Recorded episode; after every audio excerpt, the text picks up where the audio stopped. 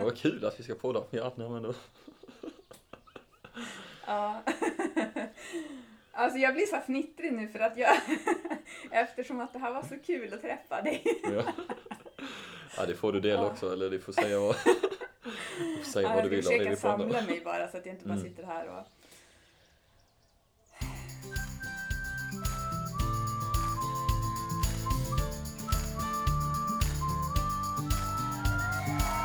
Låt dig smittas av glädje i podcasten som förgyller din dag. Välkommen till Glädjepodden med Sandra och gäster. I det här avsnittet så ska du få träffa en professionell drömmare. Det var faktiskt det enda jag visste om den här gästen när jag träffade honom, vilket gjorde det hela extra roligt. För det är kul att träffa en person som man inte vet så mycket om, man inte har så mycket tankar om den personen och jag hade inte planerat överhuvudtaget vad vi skulle prata om. Så vi bara pratade och vi flög och det är det du som lyssnar ska få göra också i det här avsnittet. Du ska få hänga med mig och Staffan Taylor som är den här veckans gäst ut på en flygtur. Jag tänker där också skicka med ett litet glädjetips från mig här den här veckan. Att försöka, även med människor som man känner väldigt väl, att inte ha så mycket uppfattning om dem utan att möta dem som en ny person varje dag. Tänk vad härligt att få bli bemött väldigt öppensinnat. Och även, tänker jag, att man kan möta sig själv också öppensinnat varje dag. Hur som helst, Staffans titel är då professionell drömmare och det innebär att han tillåter sig själv att uppfylla sina drömmar varje dag. Han jobbar med det han verkligen brinner för och han är bland annat en väldigt erfaren föreläsare. Han ordnar arrangemang för ungdomar. Han tackar ja till livet. Om någon frågar han om han vill byta liv med en främling på andra sidan jorden så säger han ja. Mer om det i det här avsnittet. Framförallt så skulle jag säga att han är en väldigt äkta, genuin och hjärtlig människa och det tycker jag är det proffsigaste med Staffan. Jag tycker faktiskt att det är det proffsigaste en människa kan uppnå. Och eh, all cred till Staffan för det, för jag vet att det här är ingenting som kommer av sig självt, att våga vara så öppen. Nu innan vi far ut och flyger så ska jag först göra en lite halvflummig reklaminsats höll jag på att säga, men jag vet inte om det är reklam heller, någon form av efterlysning. Jag söker nämligen samarbetspartners, företag som på något sätt själva sprider glädje, som vill profilera sig med Glädjefabriken och eh, vill bidra till en positiv samhällsförändring och hjälpa mig nu att få igång en ny epok av glädje och medmänsklighet. Jag tycker det skulle vara så himla roligt om man skulle kunna köra så här i december, att man går ut, att hela Sverige ska göra en god gärning varje dag. Tänk vilken glädjepandemi det skulle kunna bli utav det och vilka ringar på vattnet det skulle bli av det och hur glad man skulle bli själv av att gå omkring och göra en god gärning varje dag. Och allt det här som jag håller på att jobba med och för just nu, jag behöver hjälp. jag behöver luft under vingarna. Jag behöver folk som engagerar sig. Och jag säger det till dig som lyssnar också att ursäkta, jag spelar in det här, det är morgon. Så jag har så här morgonröst nu. Men jag säger till dig som lyssnar också att du får jättegärna sprida glädjepandemi, hashtagga glädjepandemi. Eh, och Eh, ja, men bara helt enkelt bara sprida mera glädje för att ingenting gör mig gladare. Men jag behöver också själv kunna få hjälp med det här och eh, jobba med det. Så företag som vill profilera sig med mig och eh, det jag står för, kanske med Glädjepodden, Hör av er till mig så kan vi bolla det här förutsättningslöst. Mina kontaktuppgifter finns i poddbeskrivningen. Och ett annat sätt också för dig som lyssnar om du vill hjälpa till och sprida min vision och min dröm så får du gärna prenumerera på den här podden för mera glädje om du inte redan gör det. Och du får gärna dela avsnitt också om det är något som du tänker att det här skulle passa någon som du känner. Med det sagt så tar vi nu och lämnar över till den här veckans glädjepandemidos. Välkommen till Glädjepodden! Tack Staffan. Tack, tack, tack. Välkommen hit. Jag har varit lite fnittrig så du fick ta och välkomna istället. Ja, men det är fint att få, få göra debut i Glädjepodden genom att välkomna lyssnarna. Ja, det är jätteroligt att du är här. Jag hade ju ingen aning om vem du var och så blev jag tipsad av två tidigare poddgäster att du borde vara med i Glädjepodden. Det är så kul och båda heter Micke också. Båda heter Micke och de intervjuades samma dag. Det var så ja. Ja.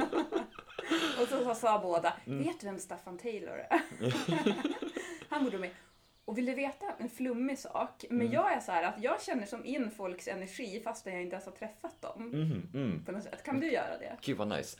Jo men det tycker jag att jag kan göra också, absolut. Ja. Alltså i, jag blev ju superglad när jag fick mail av dig. Jag bara Ja. japp, när kör vi? Vad kör vi? Hur kör vi? Så, ehm, så nej, jag tror energi förmedlas i eh, både bilder, text, men också intention. Att man kan få en känsla kring något. Det, Mm. det tror jag. Men det säger mycket så här hur folk mejlar bara. Mm, mm. Kan jag känna. Ja, det var någon som mejlade och kallade mig för Stefan häromdagen. Den jävlen. Om du lyssnar nu så, I'm coming after you. Nej Fast, men, det, fast nu vet jag inte om jag tar tillbaka det där, för ibland så kan det vara tvärtom också. Att en, alltså vissa är ju jättekort, det beror ju på vad man är för personlighetstyp. Men vissa är ju jättekort i mejl och så sen så är de supertrevlig. sant, sant också. Så att, Sant ja. Sofie Fransén, min magiska mentor och vän. ja. Hon, eh, hon skriver alltid jättekort. Så en dag undrar jag, hon är verkligen en av mina bästa vänner. ja. Jag eh, ska berätta, jag träffade henne förresten. Gör jättegärna. Jag hade precis, jag hade precis eh, flyttat upp till Stockholm 2016. Eh, blivit avvinkad av mina föräldrar som än idag är oroliga för mig. Jag bara, Vad är jag vet inte om ni som lyssnar nu här, om ni har eh, målsmän eller föräldrar eller liv och, och annat så här. Mina föräldrar kallar mig fortfarande gullgubben. Och säger, ja Staffan, kommer du klara detta nu? Jag bara, jo det kommer jag. Han blir fett provocerad ibland. Men de vinkade av mig så gulligt och så uh, någon vecka senare åkte jag på en, eh, på en mässa i Stockholm. Och där stod hon, Sofie Fransén. Hon var eventchef på Eurovision. Eh, magisk kvinna som bara stod och lös på scenen. Så att jag, eh, hon, spiken frågade någon som har någon fråga, ingen hade en fråga. Men jag bara tänkte, alltså jag vill lära känna den här människan. Så jag räckte upp handen. Och spiken blev så glad att det var någon som hade en fråga så han springer mot mig. Ger mig micken och så säger jag så, jag bara gillar din energi så mycket Sofie. Och så svarar hon, tyvärr jag är redan gift säger hon. Och så skrattar hon och visar sin hand. Jätteroligt. Och sen så bara, där möttes vi. Och så började vi med ett dubbelt mentorskap först. Så att hon sa så, hon bara, jag vill att du ska bli min mentor. Så jag bara, jag vill att du ska bli min mentor. Så vi var varandras mentorer. 45 minuter vardera med en timer och bara satt och snackade livet. Ja. Kan, kan vara något för någon som lyssnar. Det har förändrat mitt liv i alla fall. Att bara få sitta utan några etiketter och domar och annat. Utan bara lyssna in en annan människa och lyssna in varandra. Så um, Sofie Fransén, I love you, I love you. och snart är det 50-årskalas för henne också. Ja. Och blir det firande. Ja. Eh, kalas är det här också. ja, precis. Nu när vi spelar in så fyller Glädjepodden ett år om två dagar tror jag det är. Ja, den elfte. Elfte, elfte. Är det elfte, elfte? Jag blev så glad när jag kom in här alltså. Jag har gjort en tårta och allting. Ja, jag har gjort en liten sån här melontårta. Ettåringar ska ju inte äta socker. Det ska de inte, nej. Nej. Eller inte små, göra det är inte bra för små barn så då tänker jag så här, ettårskalas, det passar bra med en melontårta. Ja, Jag blev så glad av att se en melontårta här. Med ett hjärta på, blåbär också och, och liknande. Det- Men du, jag tänker så här, det här kommer ju vara, eller det här är ju ett väldigt spontant poddavsnitt. Mm, Så då ska du få en rolig, så här, utmanande inledningsfråga. mm. Om du får sätta en rubrik på det här avsnittet utan att vi nu ens vet vad vi kommer prata om. Ja. Jag skulle säga, nu flyger vi. ja! Jag skulle säga, nu flyger vi för att, ja, och vi pratade innan här också, att vilken fantastisk människa det är också, jag vill bara säga det. Man blir helt golvad av din energi och, och, och tårta och, och värme och kärlek och allt däremellan. Ehm, och ehm, jag berättade några saker för dig innan detta poddavsnittet som jag sa, så sånt här, såna här saker vågar jag inte berätta i poddavsnitt. Mm, men det var ju ganska ömsesidigt där också. Och ja, och vi och, och så, men nu, nu är ju podden igång här så vi, vi ser vad som, vad som vågas dela och jag vet inte, du som lyssnar, men jag, jag själv tycker det är jäkligt jobbigt ibland att säga vissa saker för jag är rädd för vad folk ska tycka och tänka. Det är en av mina är det någon match jag har fått kämpa med i mitt liv så himla mycket och som jag fortfarande kämpar kring, det är matchen kring vad ska folk tycka och tänka om mig.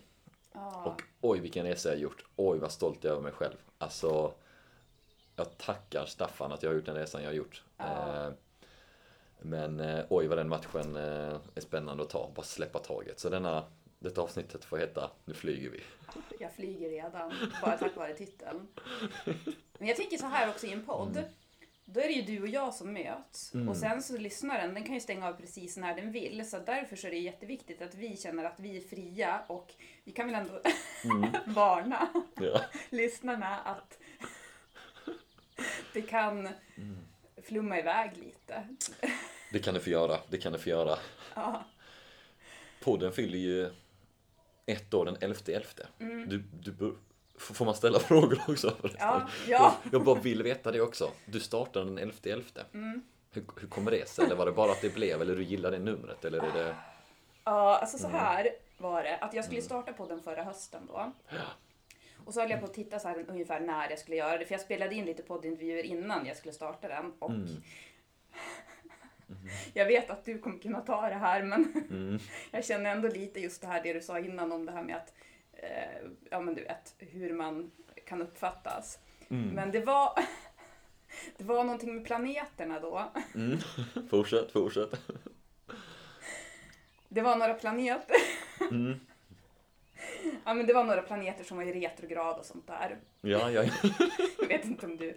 Ja, men, Jag kan inte så mycket om planeter, men I Nej. love what you're saying, att you're speaking freely about it. ja, men då var det i alla fall några planeter. Alltså det var någonting så här... Eh, någon stor planet, eller det var någonting sånt där, som gick ur retrograd precis i den tiden. Mm, och så ville jag ha att podden skulle sändas på en onsdag. Och så var 11 11 en onsdag. 11 11 är ju ett, det är ju ett datum, ett speciellt datum. Ja, precis. Och Ja, min pappa fyller också år 11 11 Det så, ja. det, var, det var som bara klockrent ja, ja. ja. att det var då. Ja, men fantastiskt, fantastiskt. Alltså jag vill bara säga vad, vad, vad grym du är som berättar i alla fall. För att du, du sa att du höll dig för. Men men jag, jag vill bara, alltså jag, jag har blivit ett fan till dig nu efter, efter, eh, efter innan, under och, och idag. Och jag vill bara säga tack att alla kan få vara alla. Du inspirerar mig till att till att få bli lite ännu mer bekväm med denna stolen man sitter här i. Även om jag varit med i ja, men en hel del podcaster sen tidigare och allt sånt. Men att bara, bara så här att jag får vara jag och du får vara du. Och du som lyssnar får vara du. Ehm, Det var någon som frågade mig en gång vad, ja, men vad jobbar du med? Eller vad, vad, vad, Sara, vad gör du? Och då, och det kanske ni kommer få höra sen också. Men, men ett svar jag gillar att säga är Mitt sätt att vara är min vara. Mitt sätt att vara är min vara. Mitt sätt att vara är min produkt alltså. Och det tänker jag i alla fall när jag möter dig här nu. Bara shit, ditt sätt att vara. Jäklar vilken vara. Den vill jag köpa in på företag, organisationer, skolor, vad det än må vara. Podcast av grejer. Pod, podcastavsnitt. Eller podcastgrejer också. Alltså, nej men tack. Det här är jättefint. Ja, tack själv. Wow. Men du är ju då en, du kallar ju dig själv för en professional dreamer. Yes. Berätta, vad är det? Alltså, jag, jag, jag, jag har sagt det här, eh, just det här ett antal gånger tidigare i, i poddar och föreläsningar och allt vad det kan tänkas heta. Men eh, när jag säger professionell drömmare så får jag alltid så många olika rea- reaktioner. En gång var jag på en fest och sa att jag var professionell drömmare när en kvinna frågade mig. Hon var jättetrevlig. Sen bara hände något och säger hon okej, så du är arbetslös? när jag sa det. Och, och den får jag höra många gånger. För jag tror det provocerar när vi inte kan sätta människor när vi inte kan sätta en etikett på någon. Att, att det här är en ballong som ligger på bordet för vi firar ett år här. Eh, det här är en eh, tallrik som ligger här. När vi vet vad det är för någonting så känns det nice. Men professionell drömmare för mig det är att bara ge sig ut där och göra saker som jag själv inte trodde att jag kunde göra. Mm. Eh, varför? Det är för att jag har levt ett liv när jag har trott väldigt lite om mig själv. Och trott väldigt lite att jag kan göra saker. Jag har idag mött väldigt många människor som inte tror eh, att de kan göra någonting. Och även det här med ordet göra är ju väldigt spännande. Alltså vad, vad, vad är det vi gör? Vad är det vi gör egentligen och vad är det vi, vad är det vi, vad är, det vi är? Man brukar säga human beings eller human doing som man ska leka med det lite på engelska. Alltså man är en human being och inte en human, human doing utan vi är, en, vi är en varelse som, ja, sen gör vi massa olika grejer. Men jag, jag har mött så många unga fantastiska förmågor som har slutat göra. Eh, för att de har slapp, tappat eh, tron på, på sig själv i den de, den de är och det är de i sitt egna varande. Jag möter ungdomar som som skär sig själva i armarna, kommer med ärr. Jag, kommer med, jag möter ungdomar. Eh, varje år har jag ett sommarprogram tillsammans med andra. Nu är det drygt tusen ungdomar i landet som är med på detta. Eh, I drygt 90 kommuner. Eh, där ungdomar får starka kompisband, de får skapa entreprenörskapsgrejer. Vi kallar oss för Ung Drive. Mm. Det unga drivet. Och ena delen är absolut entreprenörskapsdelen, men den andra delen, det, det handlar helt och hållet om att hitta den här gnistan inom dig, tända den och tända stjärnögon, som min väninna Lo brukar säga. Att tända stjärnögon inom oss. Så att jag, det blir ett längre svar Vad innebär det? Um, ja, men det innebär för mig att vi kan tända stjärnögon i varandra. Mm. Det professionella drömmandet handlar inte om att vi ska komma någonstans, utan det handlar mer om att vara på en plats där du känner kraften och möjligheten av att kunna drömma. Av att kunna känna att du vill förflytta dig till en plats till en annan. Eller att du bara mår bra på den platsen du är på. Du bara vad vibrerar av inspiration och pepp och annat så människor bara sa men det här, det här känns ju nice att vara. Oavsett om det är att kratta löven eller spela fotboll eller innebandy som jag är tokig kring eller podda som jag förstår att du är mästarinna på eller någonting annat. Så, att, så det är för mig att, eh, att, att, att vara i kontakt med sina stjärnögon. Att, mm. så, här, så därför är jag en drömmare. Inte, inte kopplat till att vi alla behöver bli nya Beyoncé, även fast hon är fett ball. Mm. Eller att vi behöver bli en framgångsrik företagare, fast det kan vara väldigt kul. Mm. Eller om det är att, ja, någonting annat. Utan det kan vara det som är för dig. Komma ur en depression. Skaffa ett grymt kompisband. Eller vad det än må vara. Att den där gnistan finns där fortfarande. Mm. Eh, för jag har levt ett liv när jag inte hade den så mycket. Eh, och jag lever idag ett liv där den är där betydligt mycket mer. Stunder där den är lägre. Men oj, vad jag är mycket mer i kontakt med den idag. Mm. Och det dyker upp tusen frågor nu när du pratar. Men mm. först så vill jag bara säga, jag blir så himla lycklig för det du gör för ungdomarna. Ja men tack. För hur viktigt det är. Mm. Jo men det är något viktigt jag och vi alla gör där, eh, som mm. är involverade. Så det är, det är så mycket större än så. Det är alla, alla kommunrepresentanter, liksom Britt i Norrköpings kommun, mm. Krutgumma, eller Susanne i Åstorps kommun, nu bara namedroppa lite. Ja. De är så jäkla viktiga. Alla, alla de där är så himla viktiga. Mm.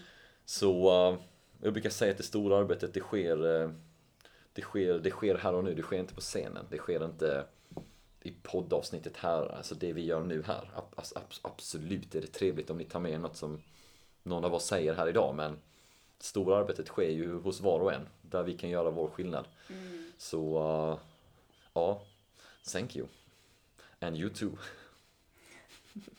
Men alltså tänk om alla skulle förstå att de bara kan vara sig själva och att de inte behöver... Att, för att det är ju det som egentligen är, istället för det här vad ska du bli när du blir stor? Eller mm. det är ju bara det här resan i sig själv. Det är ju det egentligen hela livet handlar om, har jag börjat fatta. Jag tror det också. Jag möter så många, jag har varit på väldigt många universitet runt om i landet och föreläst också. Handelshögskolan mm. i Stockholm, Lunds universitet, Chalmers. Jag har varit och härjat och sju av tio unga eh, oroar sig för framtiden. Mm. Känner en extremt stor press och stress kring eh, arbete, eh, kring boende. Det är två, två stora. Och, ja, och vad, vad, vad ska man bli när man blir, när man blir stor? Eh, och det tror jag vi behöver tillsammans hjälpa och jobba med och minska den där stressande pressen. För den är ju mm. brutal att lägga på sina axlar kring att du kan bli vad du vill, gör vad du vill, var ute och kör. Men de här orden är ju läskiga och svåra också för vi kan inte, vi kan inte kasta ut sådana ord på folk när det är såhär Vänta nu, räcker inte jag som jag är då just nu? Mm. Behöver jag göra något för att räcka till? Mm. Behöver jag bli något för att räcka till? Behöver jag få godkänt av mina föräldrar eller målsman eller eller lärarna eller kompisarna för att räcka till? När ska den här resan sluta av att räcka till? Mm. Det tar ju aldrig slut. Nej om vi inte börjar eh, hoppa inåt. Så Micke Gunnarsson, tidigare gäst, har sagt här, the only, only way out is in. Har han intatuerat på sin kropp. Och jag älskar det mm. citatet, jag älskar Micke Gunnarsson. Ja, jag med.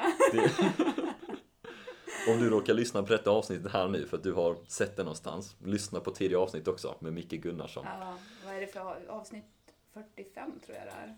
Ja, ja du kan Ja. det bättre än, än mig där. Men att vi, vi behöver gå in i det där och för många är det där så himla flummigt. Alltså herregud. Under hela min under hela, under hela mitt liv skulle jag säga. Jag började, sen jag började så här, komma i kontakt med något som gjorde att jag började må bättre och komma till en bättre plats. Så sågs det som någonting flummigt och någonting konstigt. Hela mitt liv. Från gymnasiet, då det började för mig i alla fall. Det var sista året på gymnasiet jag kom i kontakt med så här inspirerande böcker och podcaster och nu ska jag börja jobba med mig själv och så. Jag var ju, man var ju en alien i vissas ögon. Ja, Men det var ju då hela mitt liv förändrades. tänk att du vågade då i alla fall. Trots det. Ehm, ja, nej men det är, när folk frågar ibland mig vad jag är mest stolt över, då skulle jag säga 19-åriga Staffan som, eh, ja, men som vågade. 19-åriga Staffan som hade väldigt mycket akne. Där någon kallade honom för ströbröd under gymnasietiden. Eh, Så jag hade på mig en sån här sjal under typ hela min gymnasietid. Just för att jag inte ville visa. Idag har jag stora ärr på, på halsen och i nacken också.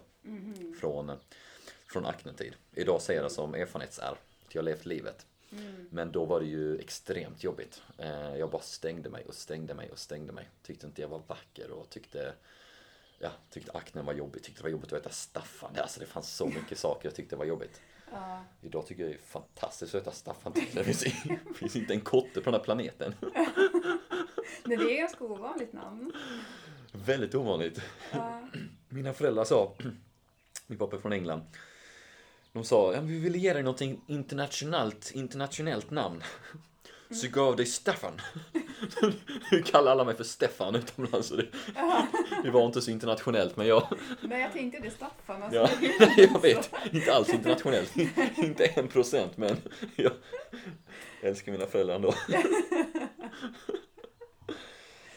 Ja, Ja, Nej men så till dig som lyssnar så vill jag bara säga våga, eller fortsätt våga. Och vågar du inte själv, låna mod, låna courage, ja. låna hjärta från någon annan. Det fick jag göra. Jag hade inte alls mycket mod när jag var yngre. Men jag fick eh, låna det av andra Mm, som var snälla och hjälpte mig tända mina stjärnögon. mm, det är det man måste göra. Och inte att värdera sig själv utifrån andras egon. Mm, Den är ganska kraftfull faktiskt. För att om någon ser ner på en, det är ju alltid utifrån den personens ego. Eller om någon är arrogant eller ignorant eller vad det än handlar om så är det ju utifrån den personens ego. Och gud vad jag har värderat mig själv utifrån andras egon. Fruktansvärt. Ja, same, same, same alltså. Ja. Och fortfarande kan göra men vi, jag, jag, lär, jag lär och jag lever brukar jag säga. Mm. Jo men det var som vi pratade om här innan, man är ju också människa. Så Men det är ju det, herregud, man får ju brustet hjärta ibland och man, ja, ja, ja. man, man går på någon dejt som inte blir som man har tänkt. Man bara, "Va? Nu måste jag skilja på vad jag gör och är här. inte mig det är fel på. Ja, exakt. Det, det, det är bara inte en match, Ja, helt det är enkelt. bara inte en match. Ja. Aj, aj, aj. Ja, det är ändå ganska få människor man matchar med, så man, alltså, det är väldigt lite att ta personligt just där, tänker jag. Eller Ja, alltså, mm. och, eh, det kanske är många man matchar med, men inte på det sättet. Mm. Nej, Eller jag, vissa kanske gör det. ja, nej, jag, jag, jag, jag, jag, är kass på dating men jag, jag jobbar på det till att kunna säga att jag är bra på det. Så att eh, frågar vi längre i framtiden. Men jag, det, jag, det jag säger till mig själv i alla fall är att ska det, ska det vara så får det vara bra. Det försöker jag jobba med mig själv med att säga så här eh, för att jag är då eh, en relation med mig själv. och ehm, och ehm, och tänker att så här, för det är så, jag tycker att bland det modigaste och bland det vackraste eh, det är ju faktiskt eh, att våga möta någon väldigt sårbart. Och jag har insett att, eh, att det, det är någonting bland jag tycker är det läskigaste. Sätt mig på en scen bland eh, 1500 personer och jag rullar upp på scenen. Jag springer upp på scenen. Jag tycker det är så roligt. Sätt mig på ett äventyr någonstans. Jag tycker det är så roligt. Men att möta en annan människa är just kring kärlek. Jag har aldrig pratat om det här tidigare. Premiär! Det var nya saker. Ja, kä- känn dig fri. Jag känner mig fri. Men det är så läskigt. Men Men det är så spännande också. Mm. Så det är, det är någonting där jag är på min resa i livet i alla fall. Det är att försöka möta sådana grejer. Mm. Möta sig själv när det är som allra läskigast. Mm, alltså det är ju verkligen där det är som allra lä- läskigast. Mm, mm. Det pratade jag med Kai Pollak om i förra avsnittet. Då pratade vi om Okej. det som kallas för heliga möten. I, har du läst en kurs i mirakler? Jag har läst lite från den här boken, men inte, jag har inte gjort hela. Inte gjort hela. Nej, jag kan rekommendera Mm. både dig och alla som lyssnar att det finns en bok som också heter En kurs i mirakler på lätt sätt. Mm, Eh, som är mer lättsmält och min, eh, större text. Den här kurs i mirakler. Det är ju bibeln gånger typ fem. Och så, så här jätteliten text. mm, mm, mm, Men den är fantastisk, den En kurs i mirakler. mm. Ja, men det är intressant ämne det här med att möta verkligen en annan människa i sårbarhet och i kärlek. För att jag tror att det är väl kanske ändå det, den största utvecklingen också man kan gå igenom. Jag tror det, jag tror det, verkligen. Mest egoreducerande kanske också. Ja, men jag, har en, jag har en grej jag... nu sitter jag och berättar allt jag... Alla grejer jag är på kurs i livet på just nu. Ja, Men det är just det. det är fantastiskt. Det är ju så. Men det är så skönt och befriande också kanske att inte dra alla historier som vi kanske alltid brukar dra annat. Ja. För de finns inspelade på så många platser. Det jag skulle säga var att jag har en grej i kurs i livet nu, att, att försöka älska alla mina medmänniskor. Och någon som lyssnar på detta som känner mig som kommer tänka bara Staffan, nu har du flummat iväg tutti frutti liksom. Nu har du, nu har du flygit. Men, men för min del så har jag bestämt mig för att så här, ja men jag vill verkligen så här stötta alla som vi möter på den resan som vi möter. Kanske inte kan hjälpa alla, men Nej. bara i känslan att så här stötta varandra. Jag, jag har varit på en resa också kring så här alkoholism och grejer inom släkt och så. Eh, där det har varit så här, ja, inom generationer eh, bakåt i tiden har jag backtrackat kring, ja, av respekt, av, av respekt för andra liksom. Men så här, mycket smärta ja, i generationer när det kommer till eh, alkoholism. Och jag har varit så ledsen över det så många gånger. Alltså jag har gråtit så mycket så jag vet inte vad jag ska ta vägen ibland. Ja. Det jag har börjat göra är att jag har börjat möta väldigt mycket av de känslorna som har legat gömda hos mig. Och jag har skjutit upp så mycket. Och jag tror typ det är första gången jag pratar om det utan att börja alltså gråta kring det liksom. Eh, vad jag vill ha sagt med det i alla fall, att när jag har gått på kurs i livet och mött all den här smärtan så har jag bara kommit fram till att bakom all den smärtan så har det bara funnits kärlek kring de här familjemedlemmarna som har lidit av detta. Generationer bakåt också som har lidit av detta. Att vi alla gör vårt bästa från den platsen vi är på här och nu med det vi har här och nu. Vi kan inte göra mer. Jag gör mitt bästa just nu i den här podden med det jag har här och nu. Jag gör mitt bästa när jag kommer lämna härifrån idag. Jag gör mitt bästa när jag kommer gå på min nästa dejt. Jag kommer göra mitt bästa när jag är på min nästa föreläsning. Men mer kan jag inte göra. Jag kommer göra mitt bästa nästa gång jag ser en person och jag blir så inspirerad så jag bara snälla kan inte den personen älska mig och lära känna mig? Och bara tycka om mig och acceptera mig och bli vän med mig. Jag kommer göra mitt bästa där och då också. Eh, Men så det jag har känt i alla fall är att när jag börjat möta sorg som jag har gått på som jag inte ens visste att jag hade. För att jag, frågar ni mig så jag tycker att jag mår så här, jag har haft upp och ner och upp och ner, livet har gått så här. Men jag visste inte att denna brutala sorgen har funnits där i min kropp. Ehm, Men när den har hoppat ur så har det bara kommit ännu mer så här, ja, kärlek till varandra. Vi alla gör vårt bästa. Ja.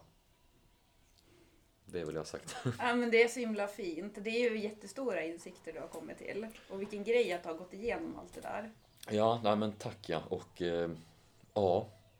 Och jag tror kanske aldrig det tar, tar slut utan det, det, det fortsätter. Men jag har verkligen gått igenom det där som du säger att jag har, jag har, jag har varit i dörren och väntar i eh, så här eh, smärtdörren vill säga. Att oj vad smärtsamt. Och oj vad jag inte velat kolla på det där. Men finns ett citat som är i ljuset spricker alla spöken. Och jag tror på att släpper vi ut det, det som är jobbigt, då spricker det. Då minskar det. Och några som lyssnar nu kan tycka så här, bara, shit vad nice, jag resonerar med det. Och någon kan tänka, vad, vad, vad sa han nu här? Kasta ut spöken! Ja. Men jag tycker och känner att när jag kastar ut saker som är jobbiga, jäklar vad de släpper taget om mig. Ja. De blir lite lättare. Och ibland försvinner de helt. Så det är, det är mitt nya. Ut med sanningen. Tänk dig den världen, Staffan. Mm. Om folk skulle göra det. För att du vet ju människor som är rädda. Det är ju ett litet barn som är rädd av någon anledning i den människan. Och det tråkiga, för det den personen skulle behöva, den skulle ju behöva en kram och den skulle behöva kärlek och någon som brydde sig om den. Ja. Men rädsla tar ju ofta form, när man är omedveten om det, så tar det ju ofta form på sätt som bara stöter ifrån människor. Man, ja, rädsla uttrycker sig inte på, helt enkelt på de finaste och mest älskvärda sätten, men Mm, nej, de gör ju inte det. nej. Det är ändå de personerna som verkligen behöver kärlek. Så är det ju verkligen. Och när någon sa det till mig förr i tiden så tänkte jag bara, nej det behöver jag inte alls. Nej. Men det var det jag behövde som mest när jag var ung. Och inte mådde helt hundra. Och kunde själv skvallra om andra. andra. Kan, kan det fortfarande hända i mitt liv, men betydligt, betydligt, betydligt mycket mindre i mitt liv. Det finns ett citat som är också, att skvallra om någon annan är en ursäkt att inte titta på sig själv. Att skvallra om andra är en ursäkt att inte titta på sig själv. Så när jag skvallrade som mest, jag tittade ju aldrig på mig själv. Nej. Men när skvallret minskade så bara hmm, Oj, något väcktes i mig där. Det jag såg i honom fanns i mig. Det jag såg i henne, ja, Ja. fanns i mig. Jag började se alla andra som en spegelbild av mig själv. Exakt. Och kollar vi på dem som är värstingar, folk som är riktigt jobbiga. Som min vänin- väninna Lo brukar säga. Värstingar, det är de som har haft det just värst.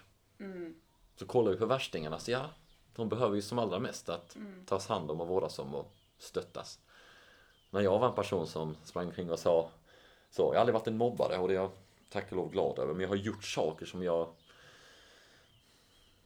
ångrar. Och som jag har sagt som jag inte menat. Och som jag har varit så rädd av så att jag har agerat på ett konstigt sätt.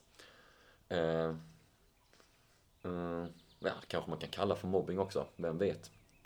Vem vet, vem vet? Men när jag har varit som mest otrygg, då har jag ju inte varit som mest kärleksfull i alla fall. Nej. Eh, men vi behöver, ja. Det gäller ju också att man är redo för att ta emot den kärleken. För man ska ju inte heller gå och pracka på folk. Verkligen, verkligen.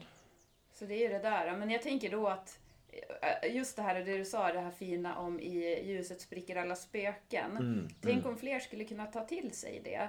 Att just det, att det faktiskt inte är något farligt.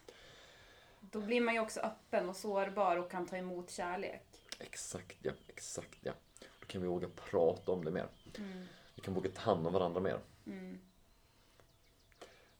Ordet familj är ett väldigt så här, spännande ord tycker jag, många gånger. Alltså vad är en familj eller, eller så? Vad tänker du själv förresten? Bara så här, familj eller så? Vad tänker du när jag säger ordet familj? Ja, vilken bra fråga. Eh, för att jag ser det ju också som att alltså det, vi hör ju ihop med olika typer av människor. Vissa klickar man med och man har band som är, det behöver inte vara att man är då, att det är blodsband. Det kan ju också vara väldigt, man kan ju leva i en komplicerad familj. Det är ju många som gör det också och eh, kanske kommer bättre överens med andra människor utan en fam- utanför familjen. Så, ja. Håller med, håller med. Eller så. Eller jag, jag har börjat tänka mycket på det här. Vad är en familj? Och, och ordet familj kan vara laddat för vissa och neutralt för andra. Och vissa vill man inte ens ha med det och... Alltså det är positivt laddat eller negativt laddat. För mig har jag börjat gilla ordet jättemycket, liksom chosen family. Alltså vilka väljer man in till, till sin familj? Och jag har, jag har bott i co-living i många år. Co-living är för den som lyssnar att man bor tillsammans med andra. Egentligen en ny tappning för kollektiv, men det kommer från San Francisco. Tech-entreprenörer, Mark Zuckerberg, Facebook-grundare och andra, de ville bo tillsammans. Istället för att bo själva, sen har det spridit sig runt om i, runt om i världen. Ehm, Så jag har bott i ett co-living i, i stan i Stockholm, eh, på Östermalm med 50 människor i samma, i samma hus liksom. Ja. Stort hotell, så man hade sitt egna rum och sitt egna badrum, men sen hade vi liksom kontorsyta. Det var så, så, så kul. Eh, För mig fanns det en tid innan och efter jag flyttade in där. Ensamhushållet i Sverige är på 36 procent. Så i Stockholm bor 58 procent själva. I Sverige är det 36 procent. Mycket lägre än snittet i Europa och i världen. Så vi är liksom det mest Sverige är det mest individualistiska landet i världen också. Vi är ett extremistland i form av jag, jag, jag, jag, jag. Eh, och eh, självförverkligande och det är individen och Just vi ska se vad ska vi hitta, tänka sitta på här nu i våra liv, eller i mitt liv liksom. Mm. Och det är inget fel i det på, på vissa sätt, men det kan ju bli så himla ensamt. Ehm, när jag bodde själv i en eh, lägenhet under två år så trodde jag det var fel på mig. Bara såhär, är det något, är det, är det något som inte stämmer med mig? Mer än vad jag visste om sen tidigare i alla fall. Eh, Men jag flyttade in i ett co-living eh, och fick bo med massa andra människor från olika kulturer, olika länder, olika åldrar, olika yrken, entreprenörer, balettdansare på Royal Operan i Stockholm. till någon som var arkitekt, till någon som var säljare, till någon som var mellanjobb, till någon som var en multientreprenör. Ehm, till framförallt folk som var öppna, nyfikna, eh, ville lära av varandra. Eh, så förändrades så mycket i mitt liv. Så att jag har eh, bott så i tre år både i Stockholm och sen har jag bott i Los Angeles ett halvår också när jag flyttade dit ett tag. Eh, och bodde jag med 100 personer i stort co-living där. Oj. Eh, och nu idag så håller jag på också att jobba med co-living i Sverige och att få andra att bo så här. Så nu har nyligen Sveriges första hus med 100 personer öppnat i just Stockholm och sen är det på väg på mer platser. Och det är du som håller på att jobba med det då, eller? Ja, men vi är ett gäng på typ 10 pers. Ja. Eh, Bolaget heter Colive. Ja. Så det var ja, två personer som initierade idén från start för tre, tre år sedan. Eh, som eh, bara bestämde sig för att vi vill rita om kartan på hur vi bor i Sverige. Och sen så tänkte de också så här, vem, vem har bott så här i, i fyra år i Sverige? Jo men Staffan har gjort så här.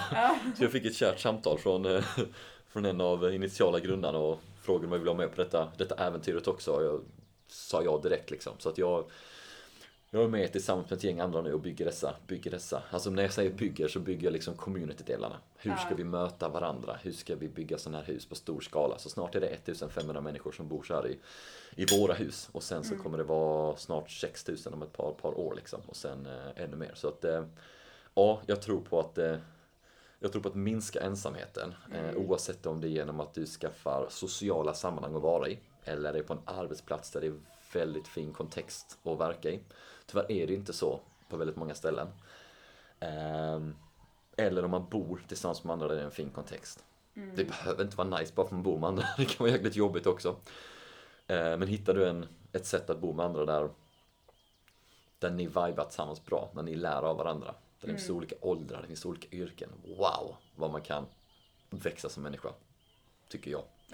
Eh, några av mina vänner som har bott i co-living har sagt att tre år co-living har varit som ett år i, i eller ett, ett år i co-living har varit som tre år i verkliga livet. Det finns ingen evidens eller data på detta men, men jag, eh, jag tror på att eh, vi behöver hålla ihop tillsammans på denna på den här lilla jorden som snurrar här uppe. Att så här, oavsett hur vi gör det, så jag tror inte alla måste bo i co-living, men eh, för mig har det funkat extremt bra.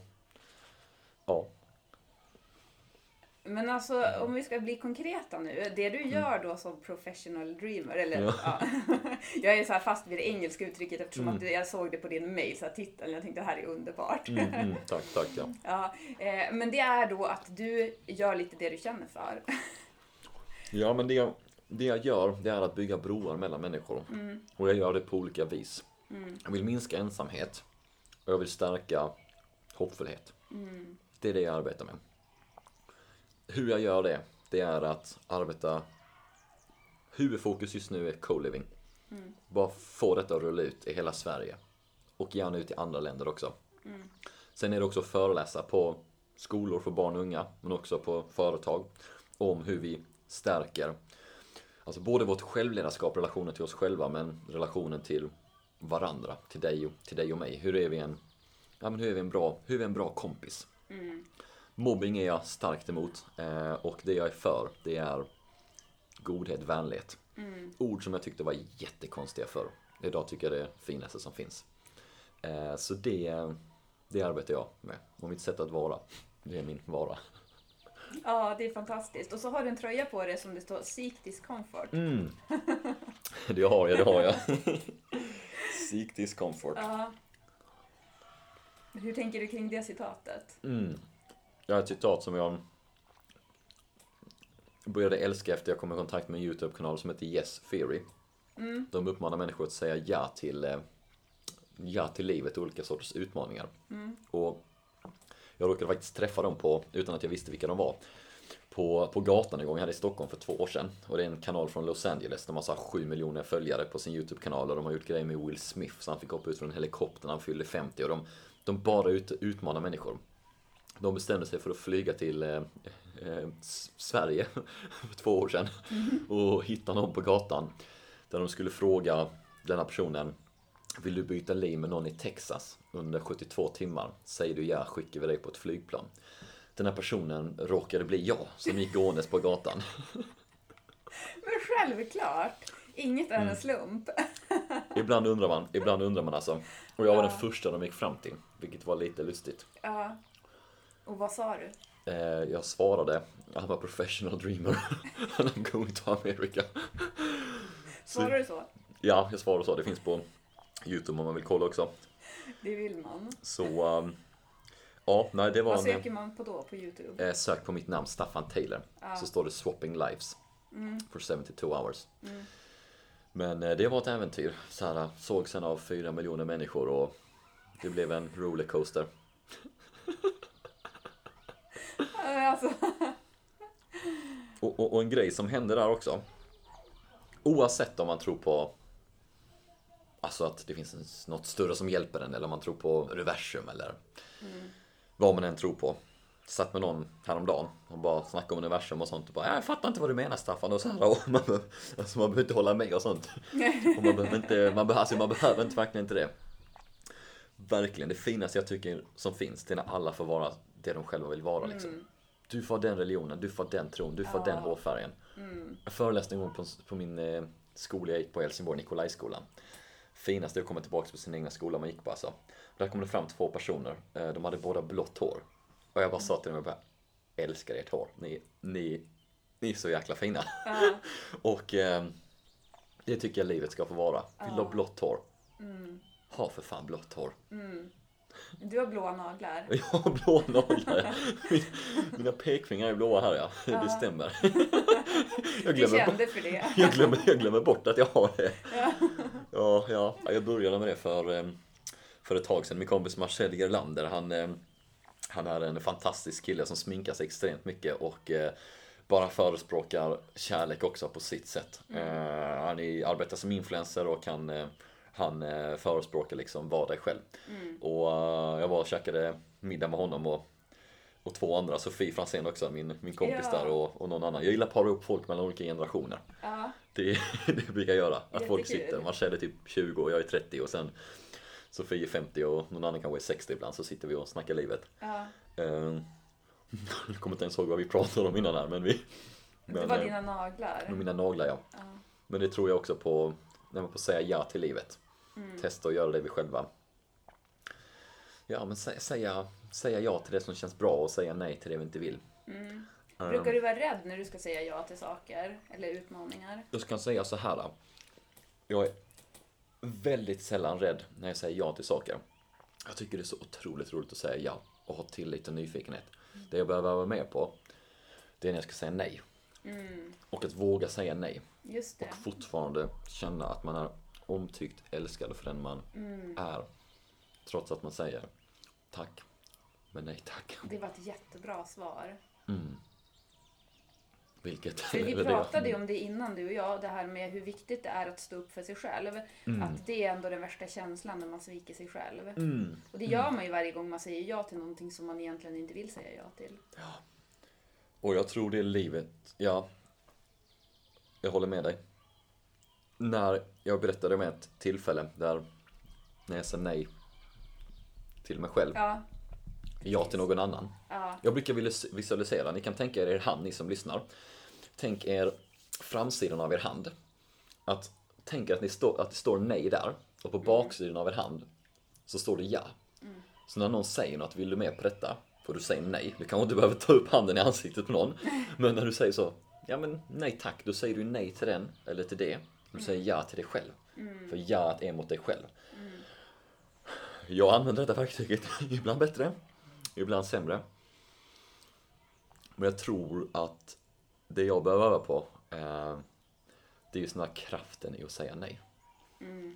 Jag sa nej till, eh, jag sa ja till någon annan men nej till, eh, nej till mig själv för ett tag sedan. Jag, Ja men det slog mig verkligen i backen av att så här, så här vill jag verkligen inte leva längre. Mm. Och jag sa det till dig innan, att det var som att det var som ett det var som att ett nytt liv något Ja. sånt.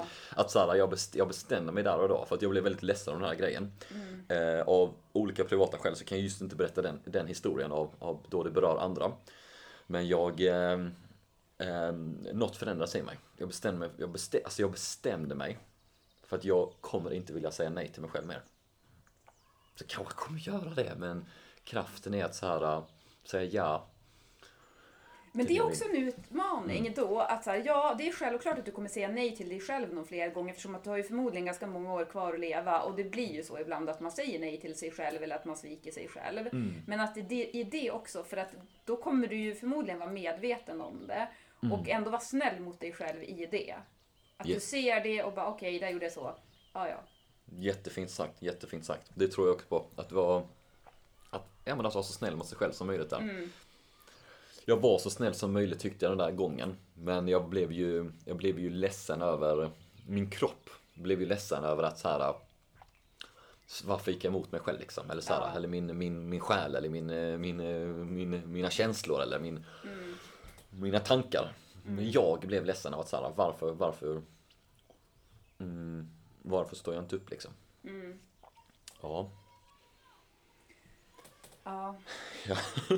Jag tänkte att du ska få några avslutningsfrågor. Men jag sitter och funderar här nu på om jag börjar bli lite less på de här frågorna som jag ställer varje gång, att det kanske är dags att byta ut dem. Gud vad spännande. Ja, eh, då, för, då ska jag bara av nyfikenhet ändå vilja fråga dig, om du skulle ställa en fråga till en annan person, Ja. vad skulle du ställa för fråga då? Om du bara fick ställa en enda fråga till någon du inte kände. Första som kommer till mig är, vad är du tacksam över?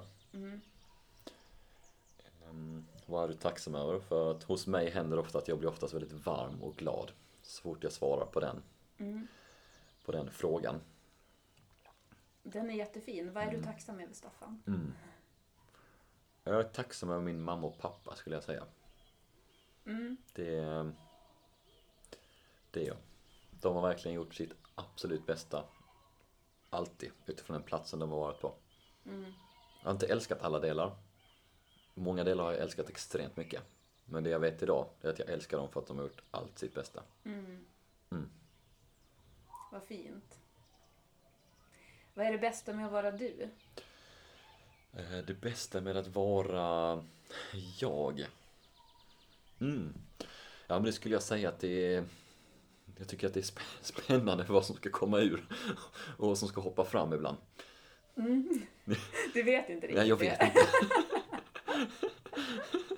Alltså, jag, när jag lämnar min lägenhet. Ja, du kan ju helt plötsligt vakna upp i Texas nästa dag, så att herregud. Jag Jag förstår att det är spännande. Ja, men både, jo, jo både, både det men också Både det men också mötet med en annan människa. Mötet med dig idag, herregud.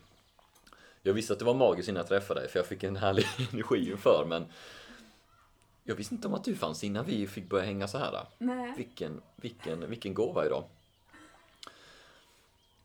Så det skulle jag säga. Ehm, släppa taget mer och orka mer mer. Men du, ja. Mhm. Var du färdig? Ja, Björn Natthiko Lindeblad. Snyggt, du känner jag ska bara säga Björn Natthiko Lindeblad. Han är en person ni verkligen behöver lyssna på också om ni vill. Han, eh, han har sagt att när han tog studenten från Handelshögskolan i Stockholm, han åkte iväg, gjorde massa grejer i sitt liv, han kom tillbaka, hans vänner sa Vad är din affärsplan nu i livet? Och då sa han att det är att gå igenom de dörrarna som öppnar sig för mig. Och jag älskar att se det på det sättet. Planera till viss del, ha vissa tankar och idéer. Men sen finns det så många dörrar där ute som är människor, möten, möjligheter. Så ja, det skulle jag säga. Det skulle jag säga. Wow. Heja Björn. Ja, verkligen. Mm. Men är du bra på att vakna upp på morgonen och bara inte döma dig själv? Förstår du? Alltså så här att vakna upp och så är det en ny Mm. dag och inte då så här att man direkt går in i tankarna om vem man själv är. Mm, mm. Jag är på en fantastiskt mycket bättre plats idag än vad jag förr. Ehm, där jag var förr var det mycket som hände, slog på mig själv. Alltså ville upp, ville leverera mer, ville prestera mer. Ville jobba hårdare, ville få mer gjort. Det jag insåg var att jag fick mycket mindre gjort. Och ju mer jag försökte streta emot, desto mindre fick jag gjort. Och desto sämre mådde jag. Men ju mer man släppte taget och um, var mer schysst mot mig själv, desto mer har jag fått gjort. Så idag har jag hittat en plats där jag upplever att jag har oftast väldigt hög eff- effektivitet. Flow, flow kanske är ett bättre ord för mig. Ehm, ibland inte, på grund av att man har sovit sämre eller jobbat för mycket eller, eller någonting annat. Men det jag brukar försöka göra på morgonen det är, att, det är att vara snäll mot mig själv. En grej jag gör ibland, eh, någon annan kommer säkert tycka det är helt knasigt också, men det är, det är när man vaknar ur sängen. Det är, det är när man sätter i sin vänsterfot, eller sin högerfot, det beror på, du får kolla vilken du tar först. Det är att du säger, alltså från sängen, när du sätter ner en fot säger du tack. Och den andra foten säger du. Då har du börjat dagen med tacksamhet. Av att tacka dagen. Ehm, ja. Är du en person som, ja, sitter i rullstol och annat än sånt så kan man ju bara säga tack av att man startar igång den nya dagen. Öppnar det ena ögat efter det andra. Eller som min fantastiska vän Anna, som har lärt mig så mycket om livet, Anna Bergholtz. Som är icke-seende. Kan man säga tack på sitt egna vis. Kan bara säga tack. Alltså man kan ta det hur långt som helst, för så var jag på vägen. Alltså att man bara hittar ditt sätt att, att tacka, tacka dig på, tror jag. Och jag, jag har nog aldrig flugit iväg så mycket som jag har gjort i ett, i ett samtal, men jag gillar det. Jag gillar det. För att det är det som fungerar för mig och du som lyssnar, ta det som, ta det som funkar för dig. Lämna kvar det som inte funkar.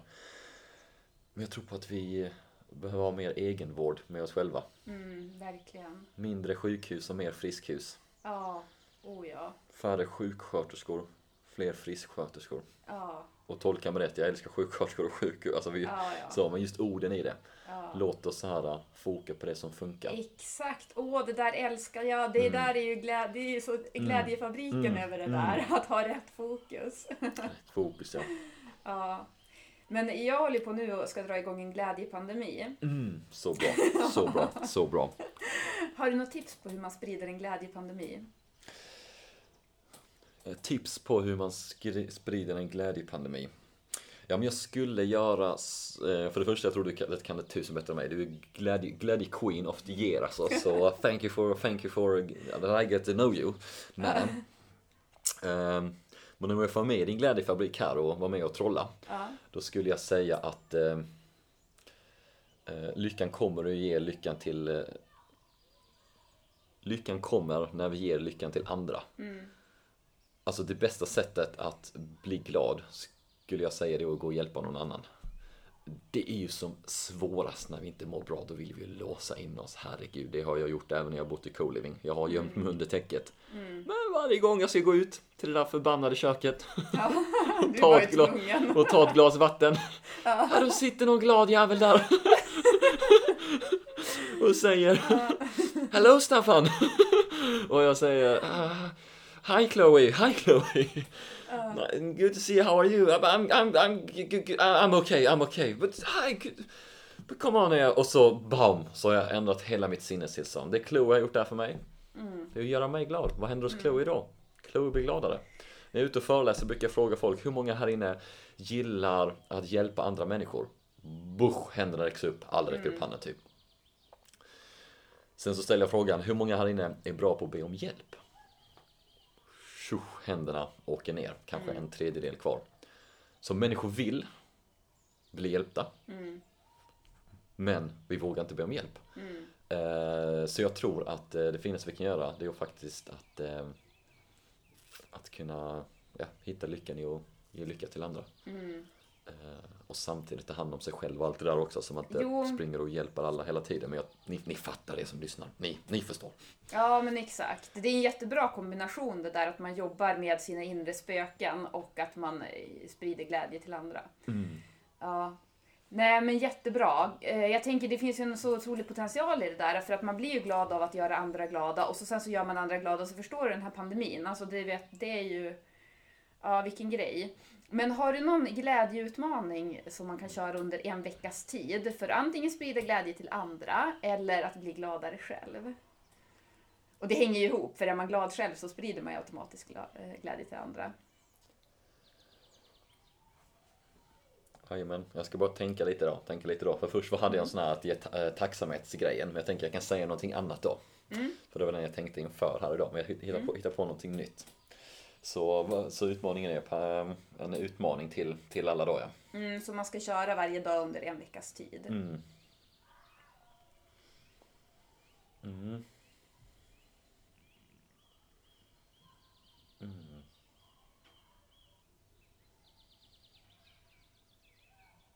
Mm. Ja, du ser glad ut. Har du kommit på? Jag skulle vilja skicka ut, och ni kommer säkert hamna i alla möjliga konstiga situationer när ni får göra den här utmaningen, ni som gör den. Men det är att fråga människor vad de är tacksamma över. Eller vad de är glada över. Eller vad som gör dem glada. Beroende på, ni får själva välja vilken nivå ni vill lägga det på. Jag skulle säga i nivån att tacksam är kanske det som folk tänker, "Äh, jag vet inte vad jag... Det är lite läskigare att svara på. Ja. I min empiriska data när jag undersökt och ställt frågor. Aha. När man har frågat någon vad, ja, vad gör dig, vad gör dig glad? Mm. Lite lättare, lite, lite lättare. Men ehm, eh, det skulle jag vilja utmana. Var nyfiken och ut och lära känna andra människor. Så Jag- Mm. varje jag- dag under en veckas tid så ska man fråga åtminstone en person vad den personen är tacksam eller glad för. Mm. Det är ju Jajamän. jättebra. Och jag tror det kommer komma upp massa spännande. Nu vet jag att ni som lyssnar, ni är redan sådana människor som är ute och utforskar och så. Men eh, låt oss alla köra en vecka, se vad, som, se vad vi kokar fram. Ja, jättekul. Det är ett jättebra sätt att sprida glädjepandemi. Mm. Och så vill jag också bara säga det att man kan hashtagga glädjepandemi också så kan man sprida det via sociala medier så får vi ett eh, glädjefokus där också. Ja, Och så får man inspireras av varandra. mer glädje, mer pandemi. Ja, exakt. Ja, det finns ingen vaccin mot den här pandemin. Nej, det finns inte. Ja. Men eh, tack snälla Staffan. Har du någonting du vill tillägga nu innan vi avrundar? Jag vill säga tack, tack. Jättetacksam att få hänga här denna, denna stund. Hojta om det är något. Finns på Instagram mest tror jag. Mm, Staffan finns, Taylor. ja, Mm. vi lägger det i poddbeskrivningen också. Men tack jag kan lägga din hemsida där också om det är någon som vill ha en härlig föreläsare. Mm. Jajamän, jajamän. Tack så mycket. Heja, jag är ett stort fan nu. Nu är jag med på ettårskalaset. Jag är med hela vägen, hela vägen i mål. det är underbart. Nu flyger vi. Nu flyger vi. Ja, nu flyger vi.